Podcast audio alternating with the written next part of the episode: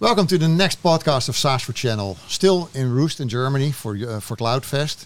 We're talking to tra- uh, technology trading partners and Gary and Vladimir uh, from Trading Partners. I would like to give you the word uh, to to have a, a, small introduction about yourself and about your organization. Uh, hello, my name is Gary Anzaroot. I'm the Chief Operating Officer for Technology Trading Partners. We're excited to be here today, so thank you. Um, so, Technology Trading Partners is primarily a hardware company that focuses on buying, selling, and servicing hardware for customers all throughout the world. Um, we're based in Maryland, Baltimore, Maryland, but we also have a facility in the Netherlands in uh, Rotterdam. And uh, we're here today to talk to customers and people about how we can help them um, as they look to migrate to the cloud and provide them with support and services.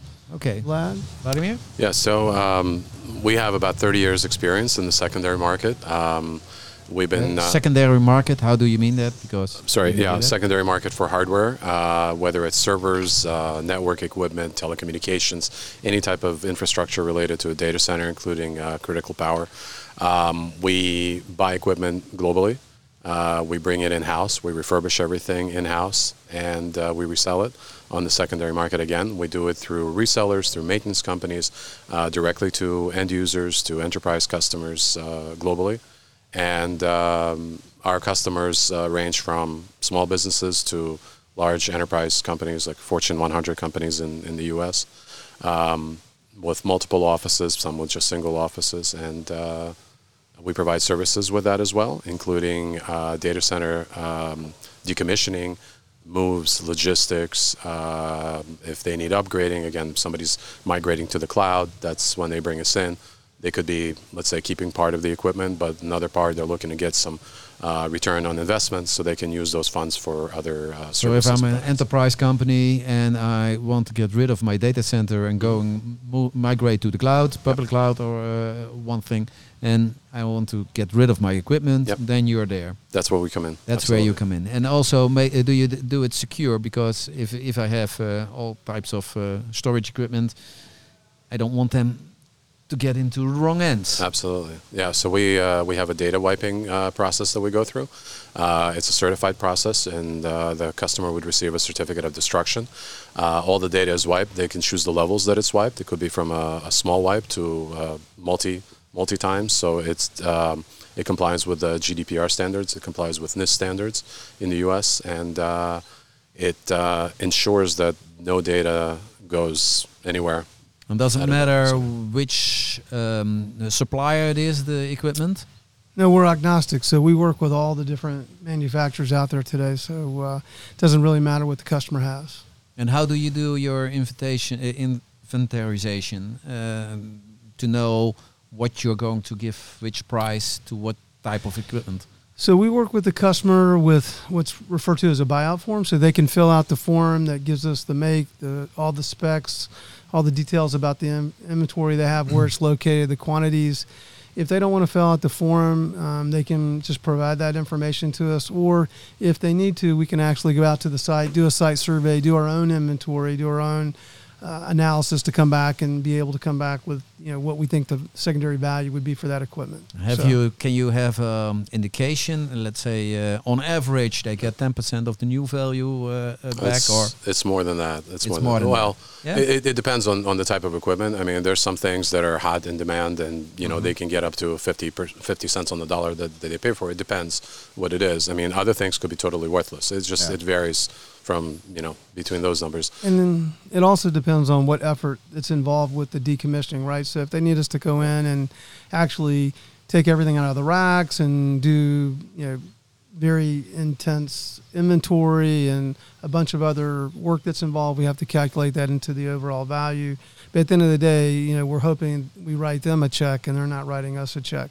So that's our goal. So how long does the company exist? Uh, so initially started about 30 years ago. Okay. It's changed names uh, once uh, in 2014. Used to be Trading Partners International. It became Technology Trading Partners in 2014. Um, and then the other thing I, I, just wanted to add that uh, as part of the process when we value equipment, yeah. so our daily roles, I guess, tasks, what we do is we uh, keep kind of our eye on what is going on in the secondary market. That's that's our secret sauce, if you will. Okay, so what's You know, going on in the secondary That's market? that's exactly that's exactly what we have to know. But what are the main trends at this moment? Right now, I mean, there's still supply chain constraints. So uh, people are looking for harder to find, like for example, Cisco product. Um, there's certain things that uh, still six to nine months delay uh, ordering from Cisco. So we try to locate for our customers what they're looking for. Um, on the other hand of it, for example, on the other side, uh, memory. Uh, hard drives have become a lot more of a commodity, so those prices are kind of on the downtrend. Uh, but again, if there's a break in uh, in the supply chain, uh, they could come back up again, which is what happened during or after COVID. Uh, you know, when there was, uh, can there was a lot of demand. So it was very good co- uh, COVID for your business. yeah, Uh, it was uh, yeah kept us very busy. that kept you very busy. Was there an intrinsic value or reason why you started up this qu- uh, company, In uh, in the Netherlands, or, in uh, in your beginning of the company, or well, uh, kind of fell into it by accident. that's, That's also always nice. a good 'cause- sign. Yeah. That's always a good I sign. know, you know, you study finance. There's not too many finance jobs around back then, and you know, you end up in something like this. And something second-hand trading Yeah, of uh, exactly. of equipment. I think Exactly. the, the, the arguments you just gave uh, why companies come to you, they're on the financial, the technical uh, side, availability side. I think that if uh, I read uh, the papers here in the Netherlands uh, recently, uh, quite often, uh, circularity is also a main thing for refurbished uh, and renewed uh, hardware. Yeah. Does it help you?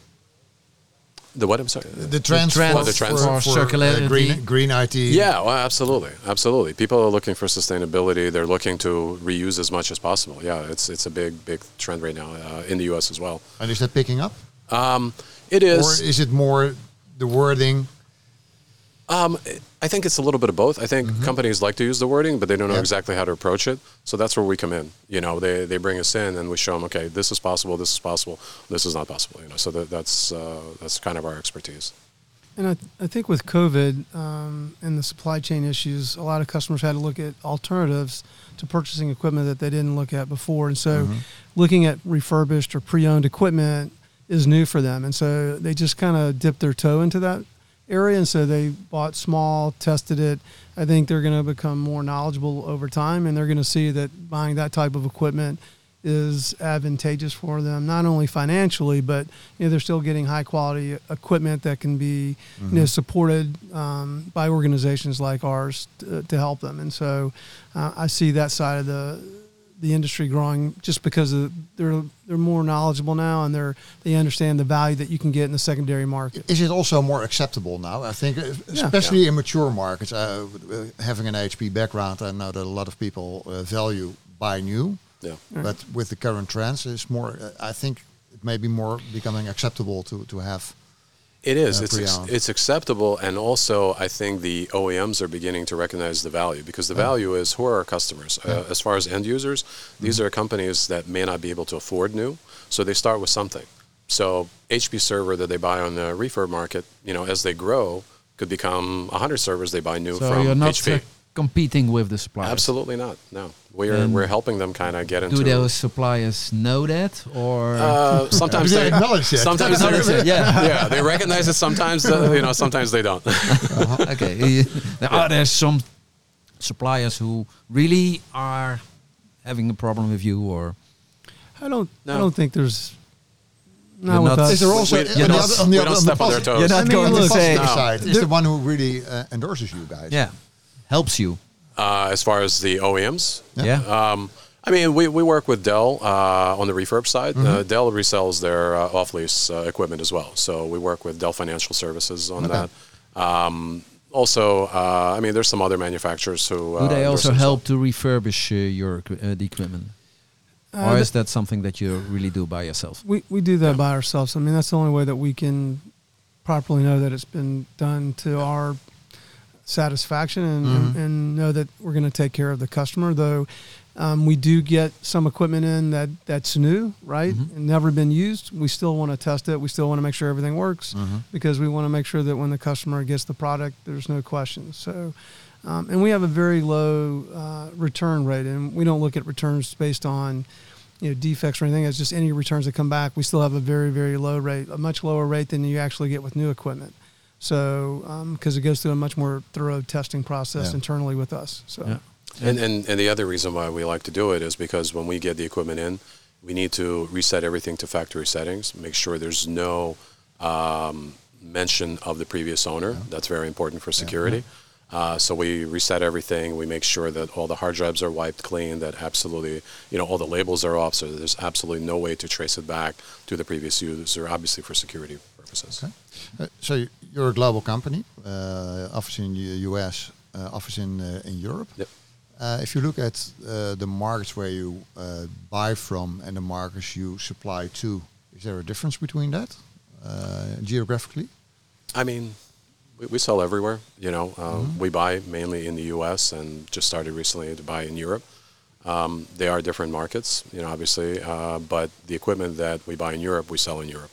Uh, the equipment we purchase in the U.S. goes in the U.S. and it goes to other parts of the world as well, to Asia, Europe. Uh, that, that's what's in the back of my mind. Yeah. It goes more to uh, the countries like Africa, Asia, or something like that. But It- if yeah. I listen to you, you say from Europe is staying in Europe Yeah. for a, for a large part. Yeah. Yep. and some of the businesses that we deal with, they want it to stay local and region, right? Especially from a security perspective. Yeah.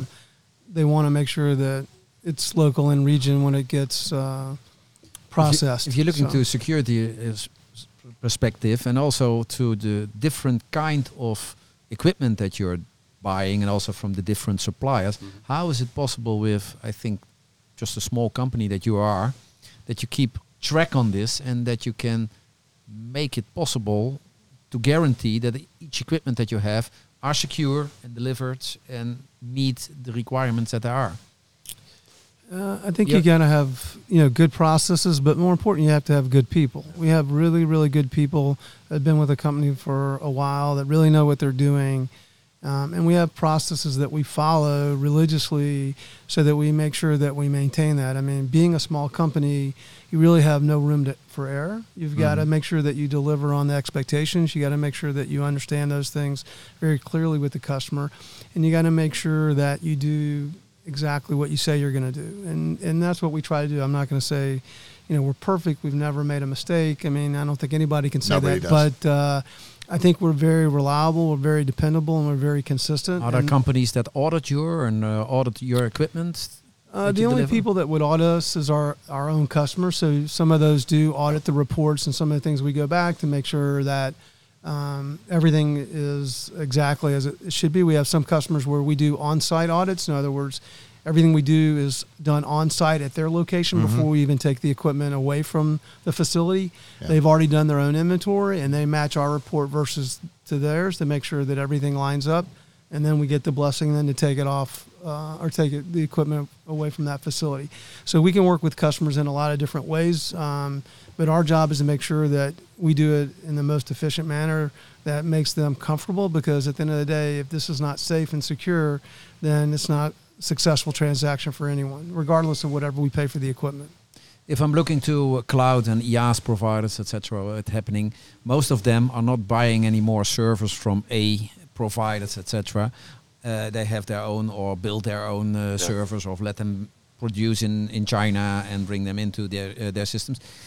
Is this also equipment that you buy and resell again? Absolutely. Yeah. So it's not you don't have to be a, a provider or a, a, um, Brand. a supplier brand uh, to be Yeah. with you to We, deal we, with you. we deal in components as well. You Yeah. know, Okay. What do whether you see CPUs for a trend memory. there? Is there a trend in this? Uh, As far as uh, the equipment that's uh, coming out that's not uh, branded, uh, I mean, there, there's there's plenty of it. Yeah, there's there's a lot out there. Um, we, we don't see it from the larger customers because they're used to kind of dealing with the larger OEMs.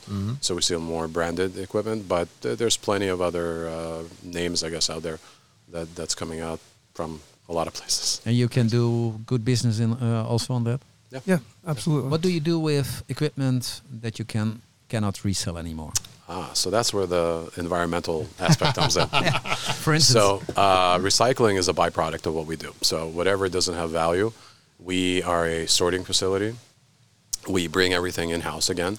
You know, we divide what we can sell, what we can't. The equipment that's not uh, resellable, we take as many components out as we can, again, to remarket it. And then the rest of it, we uh, break it down to a certain point. Uh, for example, we separate the metals from the plastics, from um, there's even you know some boards, obviously, that don't have value. And then we send it downstream to our downstream partners who further take the next step to recycling it. Okay. Yeah. We now see trends like uh, artificial intelligence, but Yeah. also you see uh, the Bitcoin miners, etc. So you see a lot of companies having different type of equipment required, just specialized for one purpose. Yeah. Um, what what does artificial intelligence, for instance, mean for your business? I think it's going to help our business because more and more people that, that need that are going to want to be able to have the right components to build the right infrastructure to support that.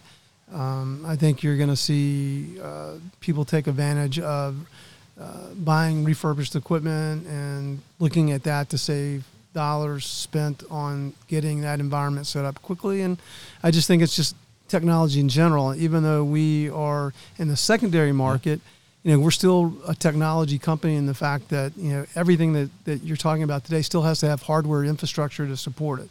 And that's what our main focus is, is around that. And you're still going to need, you know, components and hard drives and other things. And whether you build it yourself or you go with an OEM model, we can help um, support either either way you go. So Yeah, so about, uh, just to add to that, about five years ago, when the whole Bitcoin started expanding, you know, Yeah. the prices went up.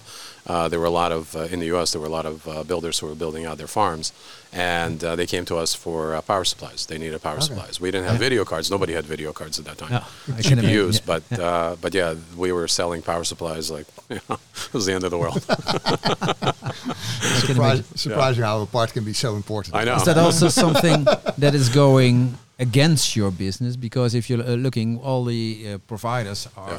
trying to make their equipment as energy uh, uh, less uh, consuming as po- uh, as possible, and now you're coming up with old equipment, quote quote, Yeah. old equipment, who is consuming more energy than, uh, and we now see the energy prices uh, rising. Right. So, Yeah. is that something that you have to deal with? Um, maybe eventually. I think right now, maybe we're not there just yet, but uh, there's still a lot of uh, equipment that is on the secondary market still in production. So if somebody's looking, um, if somebody has a maintenance contract, for example, you know, on second or third generation uh, from new of servers, they uh, look to the secondary market to find those parts or find more servers. So that's uh, it's still you know afloat. It's still keeping us going. and uh, to add to that as well, you know, as you continue to go up the stack and get newer equipment, you still have to dispose of that equipment, right? So we'd rather buy the equipment, right, so that we can repurpose it. That's the best thing for the environment. That's the best thing for everybody. But at the end of the day, you still need to support what do you do with the equipment. So mm-hmm. regardless, you still need someone like us to come in and help you as you advance uh, or upgrade or refresh your environment. What do you do with the old equipment? How do you do that properly? How do you do that effectively so that you're you're doing the right thing for the environment, you're doing the right thing from a security perspective, and at the same time, you've got a trusted partner that's involved so that you know you can take care of those type of needs as you need those. So If we look at uh, the next few years, one, two, two years, where are you going from? What are your main objectives for the, the upcoming period as a company? We're, we're uh, looking to expand, um, both in the U.S. and uh, in the EU. Um, there are a lot of opportunities. I mean, I, I think uh, there'll still be uh, a need for hardware in the next couple of years. Um, everything runs on hardware. It was actually interesting to see at CloudFest that there were a lot of, lot of hardware, hardware providers, a lot of yeah. hardware providers and storage, and it's just it, it's good to see because to us it says that there's still a need out there, um, whether it's for components or for entire systems. So it's it's going to grow. I think the the whole market is going to grow. Obviously, for cloud. How do you want to expand, or how do you want to grow? So Are you buying companies? Are you Yeah. So we, we've got a strategy that we've developed here just recently. So that our five year plan is really to kind of, I'd say, at minimum triple the number of employees that we have and probably double the number of locations. Um, part of that's going to be organic, but obviously we're going to have to make some acquisitions along the way. So, you know, we're looking at all those things all the time to see, you know, how do we do that the most effective way? And at the same time, you know, we, if we're going to make an acquisition of a company, does it fit our core values? Does it have the same type of focus on customer support? You know, is it a, you know a fit for our organization and what we want to do from a personnel perspective as well as a business perspective. So Yeah. those are the things that we're looking at. But uh, you know, I think our leadership team has put a good strategy about what we want to do over the next five years, and uh, hopefully we can be successful and uh, hit that hit that target. Okay, well, we're coming close to the end of this uh, this conversation. Uh, the last thing we always ask our guests is to have a tip uh, for uh, the entrepreneurs with cloud companies here present at uh, the Cloudfest or the listeners to uh, to the podcast. Yeah. Do you have a tip you can share with them? Um, don't stop trying. Don't Don't stop. stop. Wha- whatever, whatever, whatever. You know, you, you always come across obstacles. You know, whatever those obstacles are, just keep going. Yeah. You know. Ah, very good tip. Yeah. You also have one? I think that uh, I mean it's been my experience. People do business with people. They don't do business with organizations, and so you know, work with people that you know. Take time to develop those relationships. Don't be so eager to try to you know do business as much as you possibly can, but to really find the right people that align with what your goals are and can help you be successful. At the same time, you can help them be successful. So, you know, if you do that, I- I think it's just a matter of time. You you'll you'll make it. Yeah. So- Ah. Well, Thank we'd you. Like, we'd Thank like you. to thank you for the conversation. Thank you very much. I hope you have a great time uh, at Cloudfest Thank uh, you. left. You as well. And uh, well, I hope to see you in Rotterdam someday Yeah. uh, soon. Yeah. I'm from Rotterdam as well. Oh, okay. People, people who want to connect or get more information, uh, they can come to www.saasforchannel.nl and they will also have all the information about TTP and Gary and Vladimir. Thank you very much for your time. Thank you very much for Yeah, your time. thank you for having Yeah, us. Thank you. Bedankt voor het luisteren naar de podcast van SaaS for Channel. Wilt u meer weten over wat er besproken is? Kijk dan op onze website saasforchannel.nl.